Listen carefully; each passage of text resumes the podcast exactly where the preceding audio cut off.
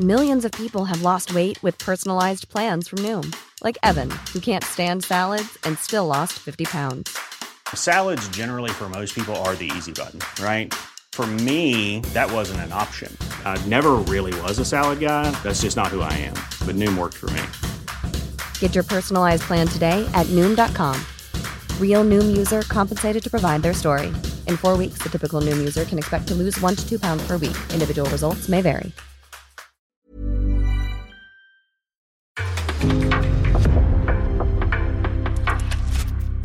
En podcast från Aftonbladet. Astrid! Kom ett tag. Varje kväll undrar fem personer i mitt kök vad det blir för middag. Vad ska jag svara på det? Och vem skaffade alla dessa barn? Vad ska vi äta? För nu när, när inte de killarna hemma. Ja, men vad ska vi hitta på? Ja, vi vill ha gourmetmat. Varje dag måste jag laga mat som är näringsrik, närproducerad och ekologisk. Och god. Om jag var singel utan barn kunde jag ha suttit och sugit på ett vitkålshuvud. Men jag behöver få i mina barn klimatsmart mat. Hur ska jag tänka? Jag heter Malin Wolin. Jag är journalist och författare, bor i Kalmar och har fem barn. I den här poddserien Malin blir en bättre människa så bjuder jag in gäster som ska berätta för mig och för er hur vi förhåller oss till klimathotet och blir bättre människor. Idag ska jag prata med Victoria Voss, doktorand i hållbar och hälsosam mat och med på länk från Stockholm och lära mig allt om klimatet och maten. Hur mycket kött är det hållbart att äta? Är det inget? Eh, nej, jag skulle inte säga inget utan just den här debatten blir ofta väldigt lätt svartvit. Vilket jag tycker är lite tråkigt faktiskt. För att allt, det, det är liksom, there are 50 shades of red som man brukar säga. Eh, när det kommer till kött. Och eh, för att gå rakt på din fråga så har vår forskning visat på att det är både hälsosamt och hållbart att försöka hålla sig till ungefär en hamburgare eller motsvarande i veckan när det kommer till rött kött.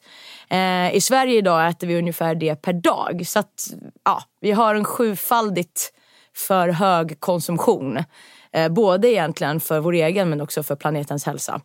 Eh, sen när det kommer till fågel och fisk så eh, visar vår forskning på ungefär två portioner fågel och två portioner fisk i veckan eh, som en rimlig nivå. Så att vi pratar alltså fem portioner totalt om vi slår ihop de här i veckan. Så det, det blir en flexitarisk kost helt enkelt. Och sen så går det alldeles utmärkt att, eh, att äta sig hälsosam på en både vegetarisk och balanserad vegansk kost med vissa kompletteringar med kosttillskott. Så att eh, där kan man ju själv fritt välja. Men ungefär på de nivåerna så bör, bör man ligga. Men det skulle vara bättre för klimatet om alla blev veganer idag. Eller? Ja, alltså, det, det som är intressant när man pratar hållbarhet eh, är att vi ofta även ute i media och på produktförpackningar och allting så pratas det mycket om klimat och klimatpåverkan.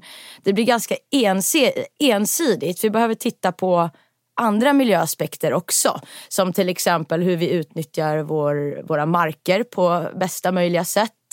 Hur vår matproduktion påverkar vattenresurser.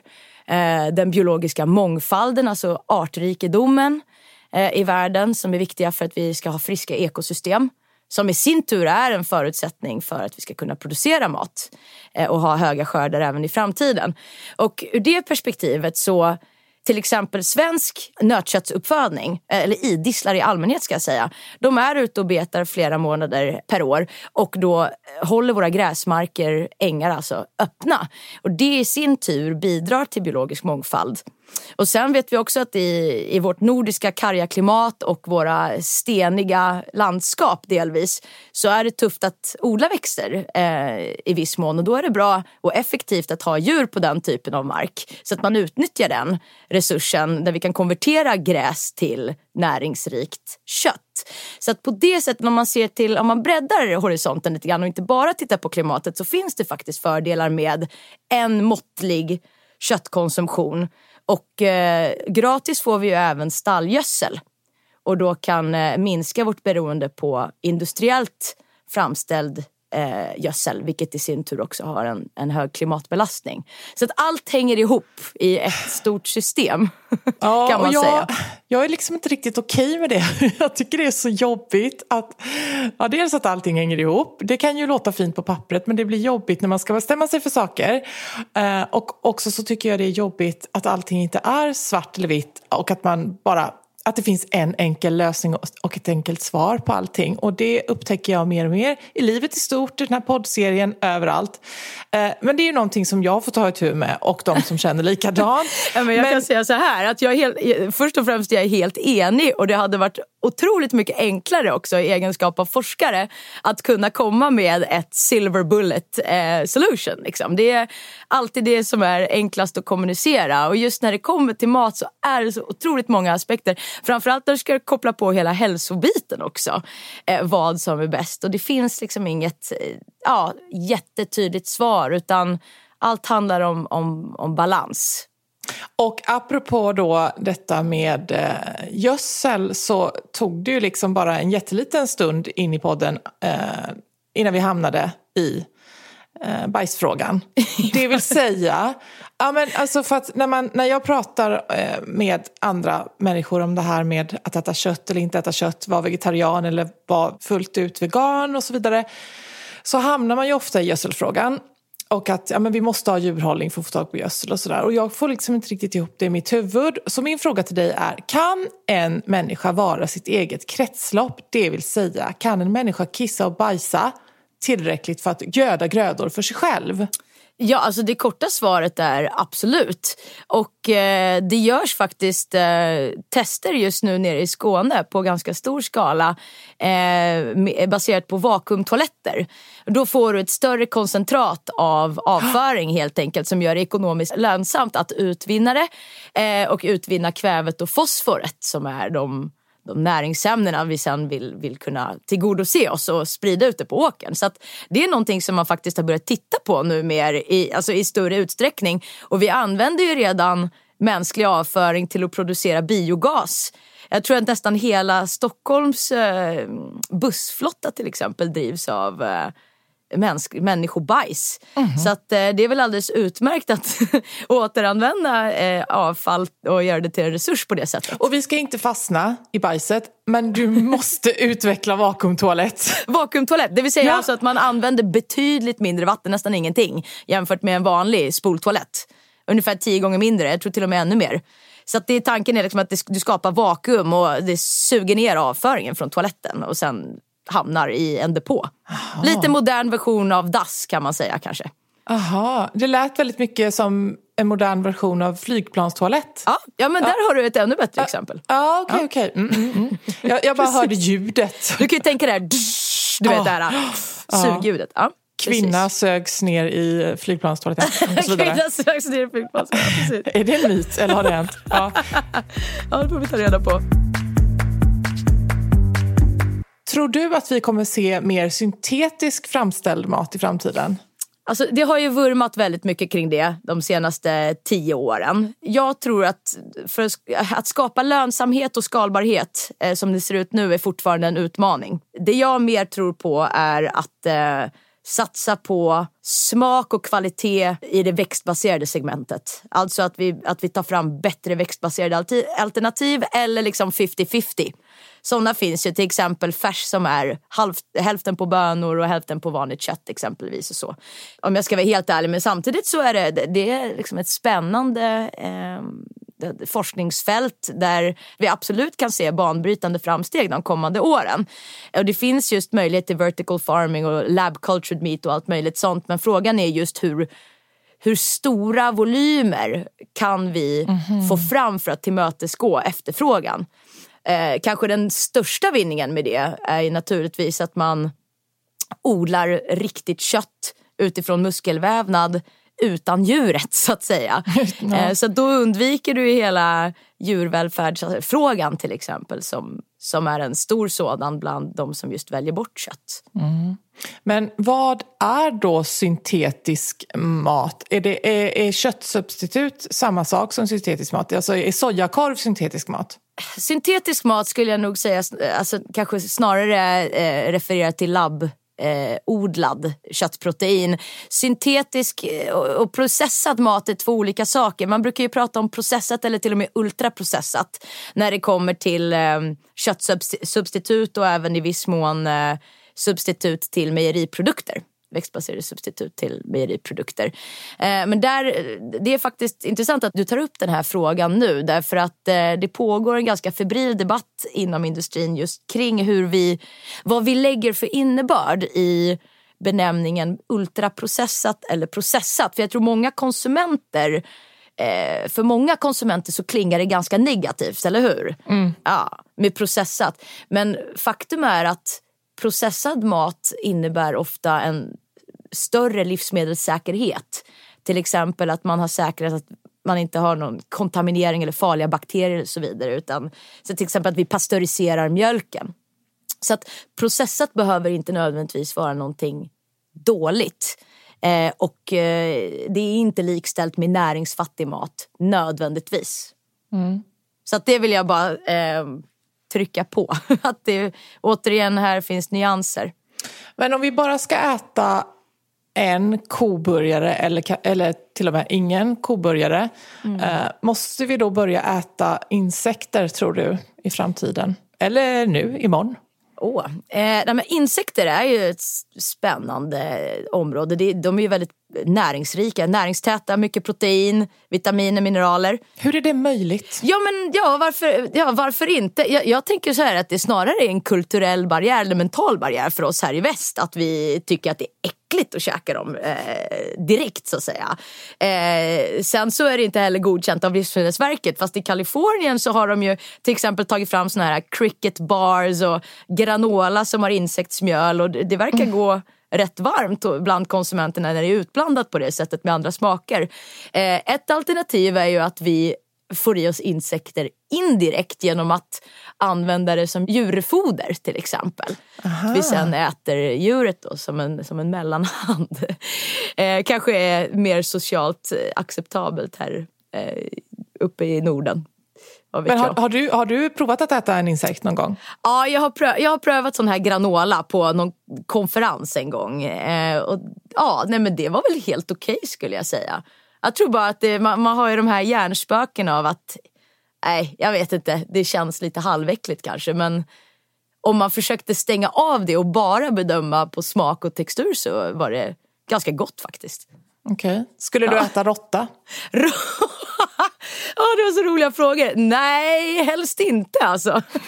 Men för att återgå till din fråga med det här med koburgare och vad som är bäst. Så jag tycker att jag vill slå ett slag för att vi ska försöka ta tillvara betydligt mer på vårt viltkött som vi har här i Sverige. Mm. Alltså, vi har ju så otroligt mycket vilt i skogarna som behöver skjutas av så att vi har ett balanserat ekosystem. Med tanke på att vi har tagit ner vargbestånden så mycket. Så vi behöver gå in och fylla vargens naturliga funktion i ekosystemet genom att skjuta av helt enkelt mer vilt. Ehm, och varför då inte ta vara på det köttet och äta mer vildsvin istället för tamgris och så vidare. Där har du ju massvis med, återigen, dels djurvälfärdsaspekten. Eh, du har ingen industriell uppfödning och därför behöver du ingen gödning, du behöver inga bekämpningsmedel, ingen antibiotika eller allt möjligt sånt. Utan djuren eh, lever i sin naturmiljö. Och, eh, du får friskt och fint kött gratis nästan höll jag på att säga. Ja. Om du känner en jägare. Vad är problemet då? Eh, jag skulle säga att det är snarare ett distributionsproblem. Att, eh, om du bor på landsbygden och som sagt känner en jägare själv tagit jägarexamen då är det ganska lättillgängligt. Men, eh, och det finns ju allt fler företag nu som, som poppar upp som levererar fryst viltkött vet jag till, eh, till dörren. Jag och min sambo brukar köpa det exempelvis. Tycker det är supergott. Ehm, men att just skapa de här distributionsmöjligheterna för att erbjuda i större skala ute på dagligvaruhandeln. Det tror jag är där eh, skon klämmer. Att vi behöver en brygga helt enkelt mellan, mellan jägare och eh, matkedjor. På något sätt känns det som att du är, du är en kött eh, klimattänkare. De som inte håller med dig, vad säger de? Jag, jag är inte alls en köttinriktad... eh, Jag, sk- jag skulle inte säga det utan jag... Det kanske jag är som en vegetarisk programledare. Ja, nej, men jag jag ska säga så här. Vi äter faktiskt väldigt lite kött eh, och är väldigt petiga med det köttet vi äter. Däremot så, det, så stämmer det att jag inte helt valt bort det ur menyn just därför att jag försöker balansera de här olika plussen och minusen ehm, helt enkelt, både för miljö och hälsa.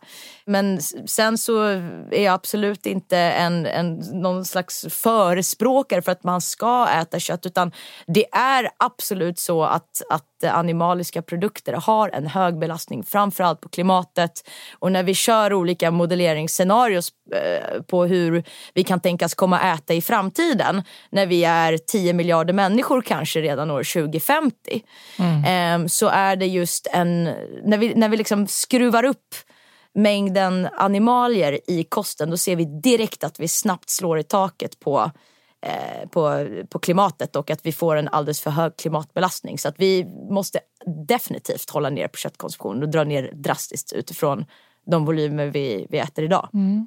Om vi tänker då att 2050 och vi är 10 miljarder människor som kastar en massa mat. Nu har ju inte 10, 10 eh, miljarder människor har ju inte ens mat att kasta. Men eh, hur ska vi kunna minska matsvinnet? Mm.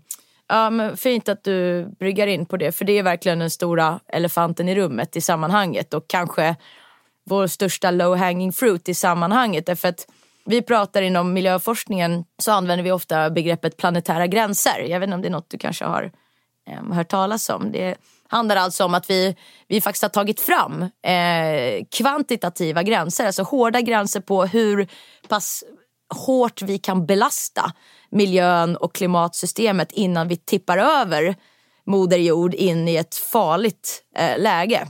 Vi pratar till exempel väldigt ofta nu om eh, en och en halv graders uppvärmning som smärtgräns. Eh, till exempel när det kommer till vår klimatpåverkan. Och eh, vi ser att vi redan har överskridit då x antal eh, sådana planetära gränser som det ser ut idag. Så tänk då att du lägger till en 2-3 miljarder människor plus att vi har en, en växande medelklass som tittar på våra kostvanor här i, i väst och kommer vilja efterfråga allt mer animaliska produkter som är mer miljöbelastande att producera, ja men då är det ju självklart matsvinnet som vi i första hand kanske behöver ta tag i. Ehm, I dagsläget, det motsvarar alltså en yta stor som Mexiko som odlas i, i onödan varje år. Och eh, så har man beräknat att om matsvinnet hade varit ett land skulle det vara den tredje största utsläpparen efter Kina och USA. Så att det är ett jätte, jätteproblem som vi, vi definitivt behöver tackla. Och det är, i den rika delen av världen som här i Sverige så är det ju mer vi, egentligen konsumentledet som står för merparten av svinnet. Det beror är bland så. annat på att vi spenderar en, en betydligt lägre andel av vår disponibla inkomst på mat. Så det, gör inte, det är inte lika smärtsamt för plånboken helt enkelt att, att slänga. Så vi slarvar med det där. Vi lever allt mer stressade liv och ja, men planerar dåligt. Och, ja, men då kanske man står där med en kyl som, ja, som inte är vältömd till exempel. Det finns ju många faktorer som spelar in.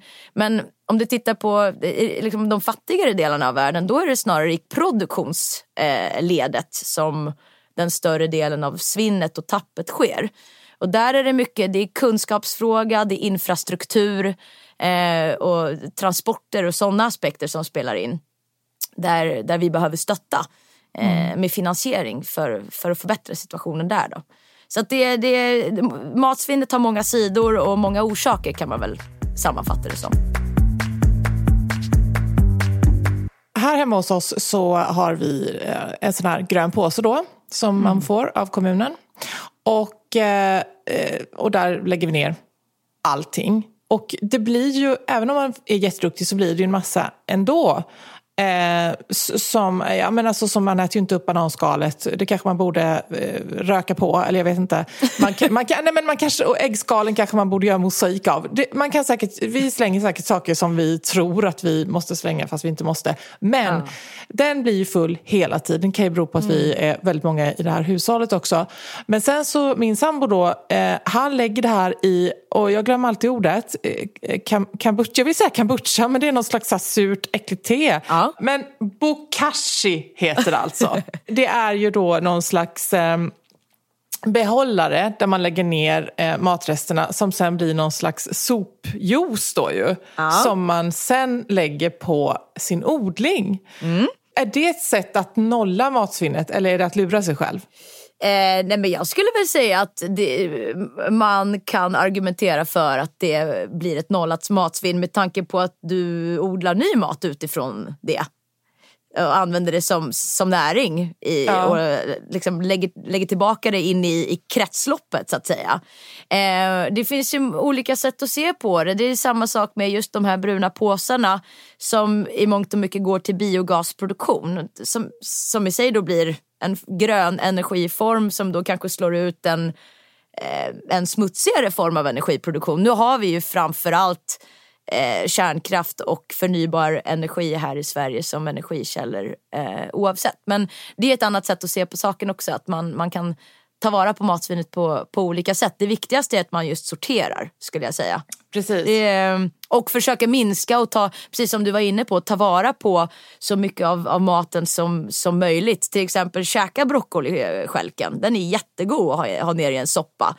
Så försök att utmana dig liksom, till att tänka på hur, hur kan jag använda hela livsmedlet och till exempel checka kylen ofta ut och se liksom, ja, men här kanske det finns en lite halvledsen paprika. Ja, men då gör jag en gryta på det eller vad det nu kan vara. Eller frysa in. Och, det finns ju massvis med sådana knep. Vilken är enligt dig den mest klimatsmarta maträtten? Åh, vad spännande. Jag skulle kanske säga en gryta på eh, svenskodlade linser med grönsaker och eh, matvete. Vad sägs om det? Ja, alltså matvete. Eh, Hur gott är inte det? återigen tillbaka till Joakim. När han säger så här, nu gör jag någonting med matvete eller mathavre, heter det så? Ja. Ja, nej men då är det, det, det är så äckligt. Tycker du inte om det? är det? så fruktansvärt. Nej. Men det, gud! Det känns ju väldigt, väldigt bra. För det är väldigt billigt, det känns väldigt nyttigt och väldigt bra för klimatet. Ja. Men för gommen så gör den ingenting. Skämtar du? Eh, vad rolig du är. Eh, Jag, alltså, det där är, smaken är verkligen som baken. Nej men Jag smaken vill- är som baken. Nej, men jag vill också rädda planeten, men jag kan inte ljuga. Men eh, vad kan man tänka sig för eh, alternativ till dig då? Lite kanske såna här zoodles, har du testat det då? Nej. Det är zucchininudlar, det är lite kul. Det kan man också göra med rödbetor och allt möjligt sånt där. Ja precis, man- behöver en maskin. Så blir de eh, riktigt så här Ah. härliga, härligt färgsprakande och ser ut som små spagettisar fast det är grönsaker istället. Ah, ah. Tittar du på vad människor lägger upp på rullbandet i kassan och undrar varför de äter som de gör? Eh, ja, det är eh, en eh, grov arbetsskada jag har. Du vet, ibland får man bara bita sig i tungan för att inte säga du, eh, varför tog du inte en ekovariant eller vad det nu må vara. Liksom. Folk, eh, ja, det är faktiskt ganska skrämmande att titta på folks matvanor. Ja. Och, och jag tycker det är skrämmande att, för nu har, du, har jag ju med dig på tåget då, men jag har ju pratat med jättemånga människor om det här och även sådana som jobbar, sådana som jobbar, de som jobbar i kassan. Ja. Eh, och även på Systembolaget, för jag brukar undra om de, dömer du mig? Nej, men, eh, För jag tänker att om jag hade haft ett sånt jobb, jag hade suttit och tittat, jag hade gjort en, en, kal- en, en liksom analys, vem är det jag har framför mig? Och så verkar det som att de inte sitter och, och, och, och dömer människor. Då tänker jag, varför, varför har man ens det jobbet i så fall? Det, liksom, det skulle vara hela grejen. Men eh, just det här när man står bakom någon i kassan och de bara lägger upp, nu kommer jag låta som en sån sockermamma och det är jag Nej, verkligen men inte. alltså, det- har rätt. bara vitt socker.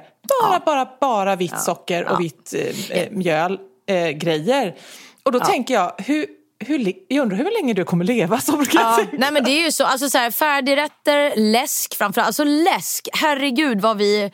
Vi, alltså I Sverige är vi, vi är riktigt, jag tror att vi är sämst i klassen i hela EU. Vi äter ungefär dubbelt så mycket socker per Mhm. år och person som EU-snittet. Och det är, ju, det är så kul, jag är halvfransyska så att ofta eh, har jag vänner som kommer från utlandet och, och hälsar på, eller gjorde innan pandemin i alla fall. Och då vart det, alltså de vart ju alltid så chockade när de gick in i en svensk matbutik att vi har det här liksom hyllhavet av lösgodis med mera. Eh, det finns ju inte på samma sätt eh, utomlands. Och det som gör mig extra irriterad är att allt godis och skräpmat eh, placeras ofta i alla fall, närmast kassan. Chips och allt möjligt, det har du säkert tänkt på när du går in i en butik. Liksom. Och då står du där i kön och har tråkigt och så tänker du, jag plockar väl upp en sån här ja, chokladbit eller vad det nu må vara. Och, och att, att, spela på det där det tycker jag är fel. Där man kan göra massvis med spännande grejer just genom att eh, ja, det, det, heter produktplacering. Så att man kan ja, men tänka om hela butikslandskapet för att försöka nudga folk till att käka bättre helt enkelt. Mm. Man kanske skulle ha en sån här spärr Köp mathavre annars kommer du inte ut. ja precis och ha liksom eh, kassörer som verkligen sitter och tittar med ja. arga ögon på mammor som langar upp en massa läsk. Ja, mm. ja. Varför inte?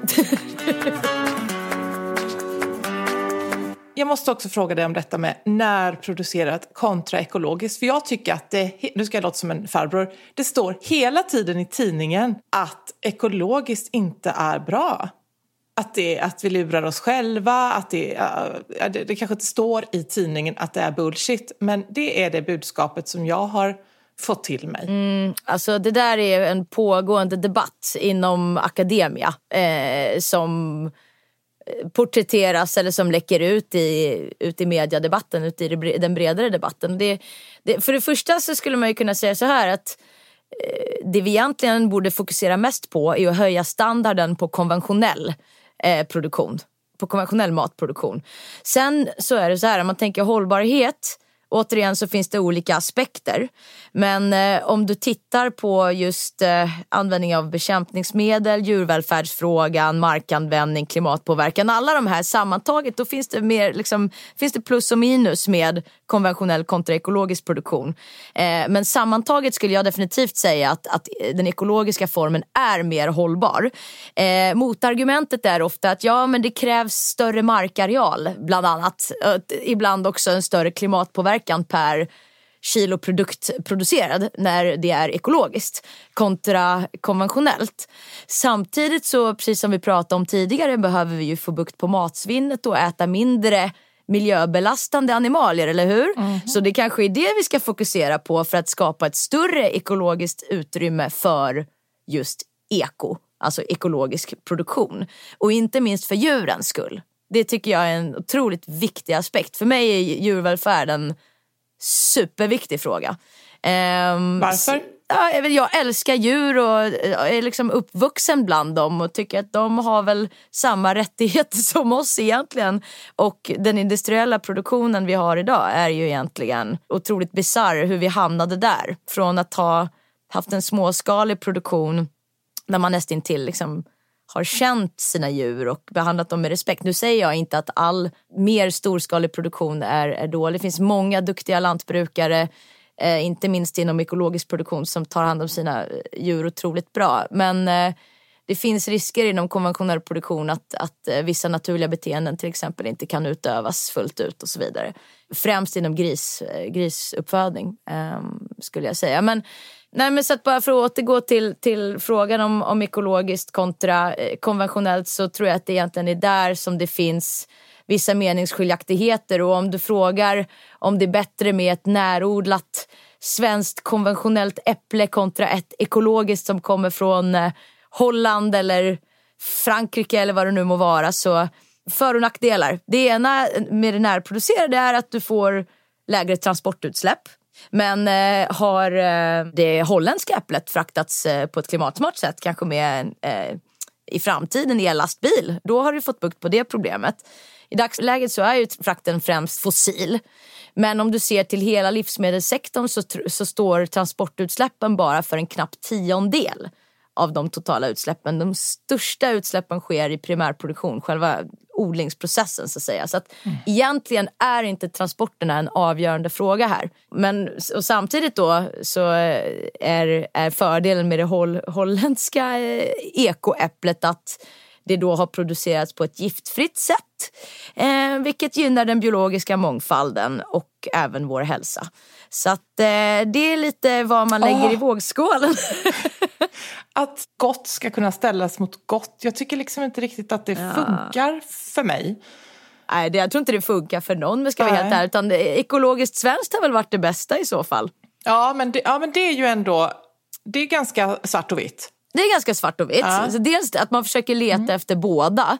Sen så kan man också eh, tänka på faktumet att vi har ganska hård reglering när det kommer till användningen av växtskyddsmedel eh, i Sverige jämfört med resten av världen.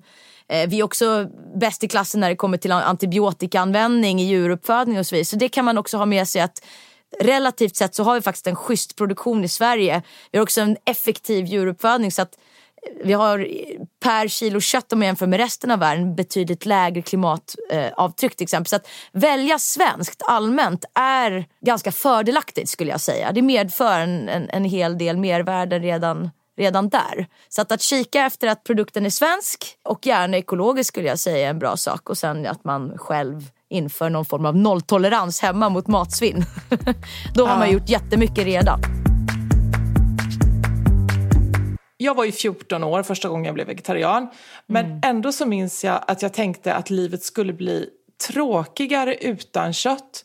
Att det skulle bli mindre livskvalitet. Så hur övertygar man köttälskare om att ett annat liv är möjligt och att det faktiskt också är lyxigt? Oj, ja. eh, Alltså egentligen är det en jätteviktig fråga. Därför att smak vid sidan av pris är ju den största drivkraften till just vad vi lägger på det där rullbandet. Vad betyder det? Förklara för mig. Ja, det jag menar med Smak det är att pris. om det inte smakar gott så spelar det inte roll hur hållbart det än må vara. Ditt, ditt, ditt veganska eller vegetariska substitut. Det spelar ingen roll för då kommer ingen köpa det om det inte smakar gott. Om det inte är konkurrenskraftigt eller rent prismässigt också. Vi vet att smak och pris är två jätteviktiga parametrar som styr oss konsumenter när vi står där i hyllan och ska välja.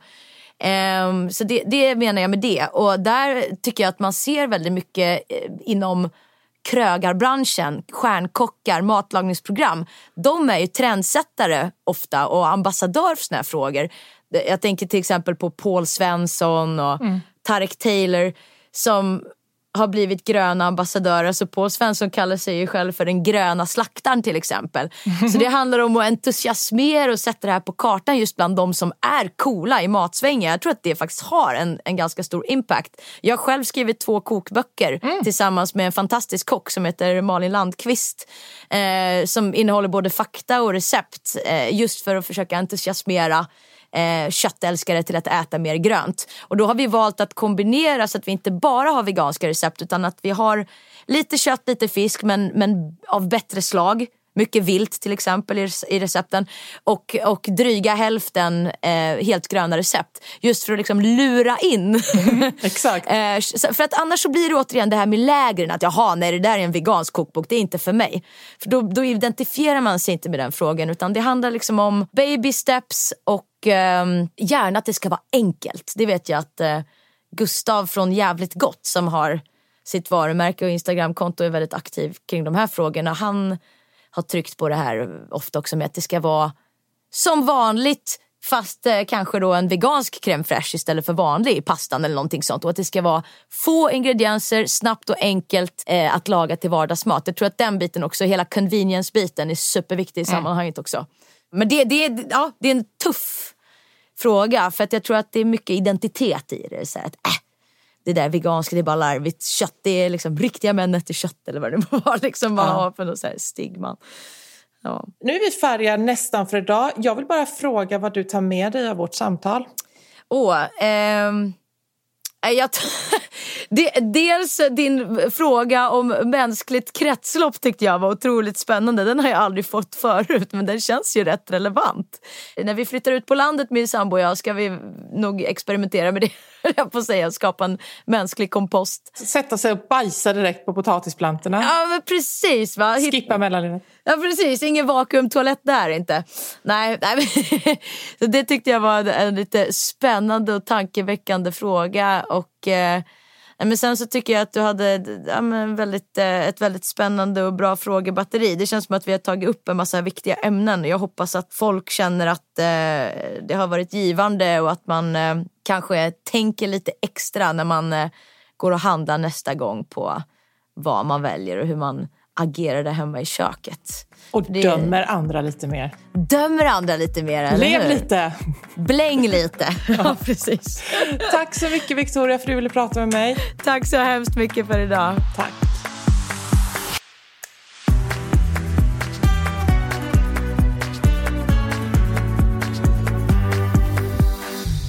Den här podcasten är gjord av produktionsbolaget Cast för Aftonbladet. Du har lyssnat på en podcast från Aftonbladet. Ansvarig utgivare är Lena K Samuelsson.